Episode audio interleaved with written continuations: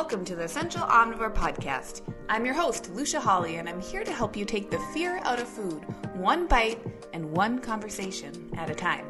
From guest interviews to the gooeyest of details about your guts. I hope you'll join me in creating space around the subject of our bodies and just what they might be telling us when we slow down and listen closely. Remember that the information provided within this podcast is for general information and educational purposes only and does not provide medical advice, professional diagnosis, opinion, treatment, or services to you or any other individual. Hey, welcome to another episode of the Essential Omnivore Podcast. I'm Lucia Hawley, and per usual, very happy that you're here. I took last week off. It was an unintentional break. I know we always want to make breaks sound so intentional, just needed to hang out honestly, last week got away from me. I had a lot of stuff I was planning, and the podcast fell to the back burner, which I initially felt really guilty about, and then recognized, well, hey, I can take a break. I haven't taken a break in a long time. So it was really nice to take a break, and I'm so happy to be back, um, get to have a refresh on what I want to be talking about. And today, what a headline, right? Why don't my jeans fit? Well, if you've known me for a while, or maybe you're brand new, if you're brand new, welcome. But if you've known me for a while, you might know, yeah, I like to talk about literal things, but I also like to talk about things in a figurative sense. So the title and the essence of this episode is a bit more figurative. It gets into the literal, but why don't my jeans fit? Like, could that be a memoir title for a lot of people? Totally. There is so much guilt that is tied into how our clothes fit. And I feel like that was a theme that has been coming up for me in the last month. Um, I had to buy some, well, I don't really like shopping. It's not something that I go do to relax. Once I do shop and I find, uh, you know, an article of clothing or two, that can be really exciting. But historically, I know everyone comes from a different experience, but historically, clothes shopping hasn't been full of joy for me. If anyone else has struggled with shopping, I feel you. I feel you from a host of different body shapes that my body has been. Obviously, they're not going to run the gamut, but I've experienced a fluctuation of different sizes from growing up to being quite tall when I was a teenager, being someone that has been told that they're thin, and also being someone who's been told that they're fat being someone who's been told that they look athletic and that they don't look like an athlete at all, I've had a range of how my body has presented and trying to find clothes that fit that range. Well, it's just been a journey over the years. So it shouldn't have been surprising, really, that in the last month or so, I started to feel frustrated with my closet. I was like, like my jeans that I can put on that I don't think twice about most of the time are no longer fitting. What the heck? And that thought combined with the spiral of the big why, like why don't my jeans fit, it got me thinking. And I started to feel, it also got me feeling guilty. A few weeks ago, I was, well, I was volunteering at the Nutritional Therapy Association's conference. I was hanging out there, and when you're a volunteer, at least in that conference, you wear there's like a t-shirt, right? Like the volunteer t-shirt. So you don't have to worry about what you're wearing on top. You just think about what you're wearing on the bottom. So I was wearing a pair of jeans that I wear most of the time. And for whatever reason, as I was wearing the jeans during that weekend, I was like meeting a lot of new people and just running around. Very different than my hermity work from my apartment ways most of the time. I realized I was like, wait a second, these jeans don't fit me. I feel uncomfortable. I'm pulling them up, I'm pulling them down, I'm moving them around all the time. What is going on? Why am I thinking about my goddamn jeans so much? And I start, like I said, I started to feel that guilt as like, what is changing in my body where these jeans no longer fit? So I wanted to offer three thoughts about why the jeans don't fit anymore. Okay? They're figurative and they're literal. So let's get into it. The first reason your jeans don't fit anymore is because you outgrew them.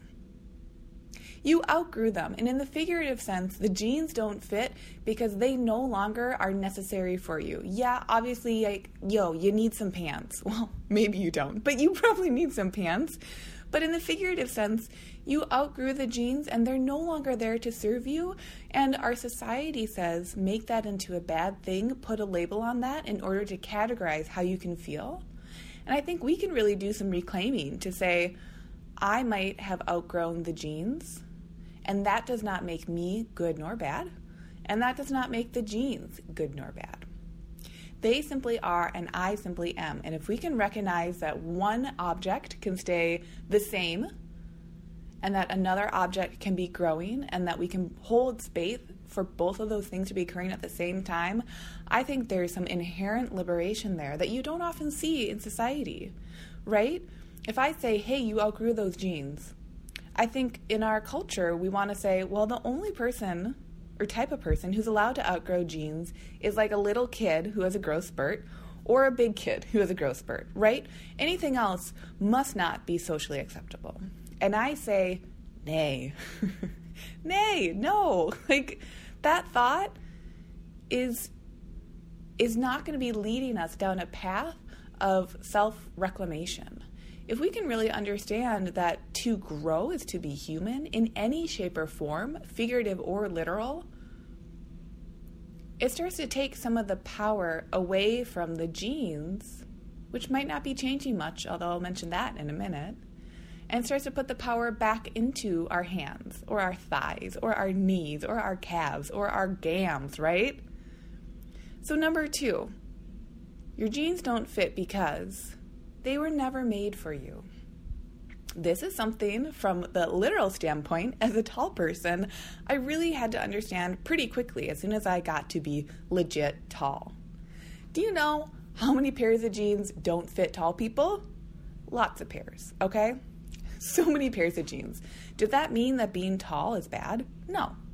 Does that mean that being petite is bad or good? No. Does that mean that being the average cookie cutter size, which caveat, what does that even mean? Does that mean that that is better? No. It simply means that as soon as we can recognize that there is a variety of shapes that the human body comes in, maybe someone doesn't even have both legs. Maybe someone doesn't use their legs. Maybe the jeans were never intended to fit in certain ways that we are told by society they're supposed to fit. Maybe someone doesn't even want to wear jeans, period. I'm just talking about jeans because that was my experience in the last month.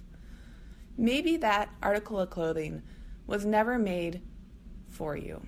And that can be a little heartbreaking, right? From a, coming from a place of scarcity, that can say, well, oh my gosh, if it wasn't made for me, like, why am I being forgotten about? That isn't right. And while that's true, I think that thought, if we were to put a reclamation lens onto that thought, being able to say, why was I not thought of? And now what can I or what do I desire to do with that thought? Can start to help us move into the future instead of thinking about the past and being stuck in the past. If the jeans weren't made to fit you, they're not the jeans for you, and that recognition alone is the learning and the thinking that comes with them. Period. Point blank, stop, mic drop. Yeah? You feel me?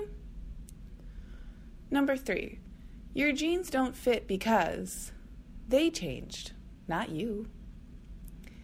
This is part of what happened with me last month. I kept on trying to figure out. I was like, what the heck? These, like, my favorite pair of black denim, high ass rise. Like, that rise on those jeans was so high, which I love. I love that type of rise because I'm tall, like I keep saying, but I also feel more comfortable when the rise is higher on any pair of pants. I kept on trying to figure out what happened. Did my body change more which I felt fine with, but they just felt so off. Did they change? Well, why would they change? They've been the same pants that I haven't had to think about for months. And finally, it hit me oh, wait, you know what I did more this month than anything else? I was so strapped for time that anytime I washed those jeans, instead of letting them air dry so they'd stay the same size, I let them air dry until I had a big time crunch and I had to go and I had to wear my favorite pair of jeans. So what did I do? I threw them in the dryer a few times for like 10 minutes just to, you know, get them extra dry so I wasn't walking around with a soggy bottom. No one wants to walk around with a soggy bottom, whether it's a bake or a human, okay? You feel me? So, I recognized, oh my gosh, finally, like at the end of the conference weekend, when I would finally strip off those stupid jeans that just weren't serving me anymore, I realized, whoa, wait, my jeans changed. And that's good and fine. They changed, and now it's an invitation into finding some pants that are going to meet me where I am at. Now, this isn't to say that it's a bad thing, right? There's no good and bad. That's the whole point here. The whole point is to say, so often we immediately judge what is going on. And even that judgment, you know, we talk about judgment like, oh, can I just, if I could only stop judging everything, then life would be like rosy and glowy and perfect. Yeah, no thanks. The thing with judgment is that we typically automatically judge things as good or bad because we want to categorize things as humans. And we want to categorize things so that we feel less decision fatigue and emotional fatigue. If we can categorize things and put them into different arenas in our brains, that's actually a form of self protection. That's a form of being able to recognize that we are able to conceptualize our world. We're able to approach our world because we know where things go, we know how things fit in. It's human nature to want to categorize things. So it's not that it's counter human nature to remove the judgment, but judging something in order to make a quick snap judgment serves us initially because it clarifies our world. So, inviting in a deeper questioning, saying, Well, can I recognize where this judgment is coming from? Can I recognize why I've categorized something like a pair of jeans or an experience can I recognize why I'm categorizing that in one direction or another? And now, once I have that recognition, can I allow myself to step back from the judgment to simply see it for what it is? And in that experience, we can then glean, typically, some learning. And we can see okay, the judgment, the thing isn't bad. The judgment isn't bad the recognition of the judgment isn't bad. It's all actually totally nebulous. and that can be scary. If we're coming from a place of scarcity, having the world be nebulous is exhausting. But if we're coming from a place of abundance, which, you know, I think there's some trendiness to talk about scarcity and abundance, abundance mindset. Ah, there's a lot of privilege that can come with that. But if we're looking at the world from a place of abundance, simply in saying, I can hold space for myself to not label different experiences. I can hold space for myself to recognize that my judgment is coming from an adaptive mechanism. But I can also recognize that that adaptive mechanism in the moment might not actually serve me in the long term. So, if I'm not feeling served in the long term by a certain action, can I look at it more fully when I do that stepping back? So it's a lot of thinking when it comes to a pair of jeans. You get what I mean? When the pair of jeans were just figurative, even though for me, this last month, they were really literal. Taking off those jeans, yuck. My jeans shrunk, and I'm growing, and that combination left me feeling really weird. I didn't know how to hold space for myself until I recognized that the only balm to that experience was to actually hold all of that space for myself so I could do the thinking through the judgment instead of standing and kind of like stinking in that judgment. That's what it felt like. It felt like it was taking up a lot of emotional energy and a lot of emotional energy that I couldn't sort out what it was. All I knew was that it was draining, and I didn't like that part. So I wanted to dig deeper.